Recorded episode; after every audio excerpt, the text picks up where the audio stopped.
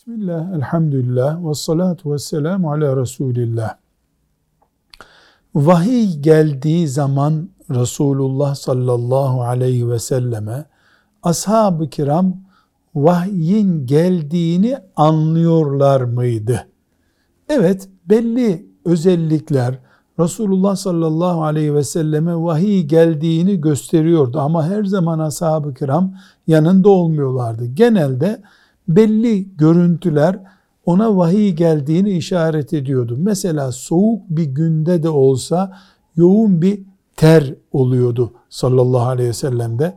Arı uğultusuna benzer bir gürültü duyuruyor, hissediliyordu. Yüzünün rengi değişiyordu. Bedeni ağırlaşıyordu sallallahu aleyhi ve sellem.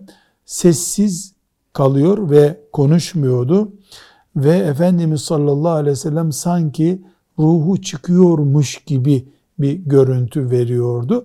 Ama mesela rüya halindeyken uykuda gelen vahiyler ashab bunu hissedemiyordu. Dışarıdan umumiyetle vahiy geldiğini bu şekilde hissediyorlardı. Velhamdülillahi Rabbil Alemin.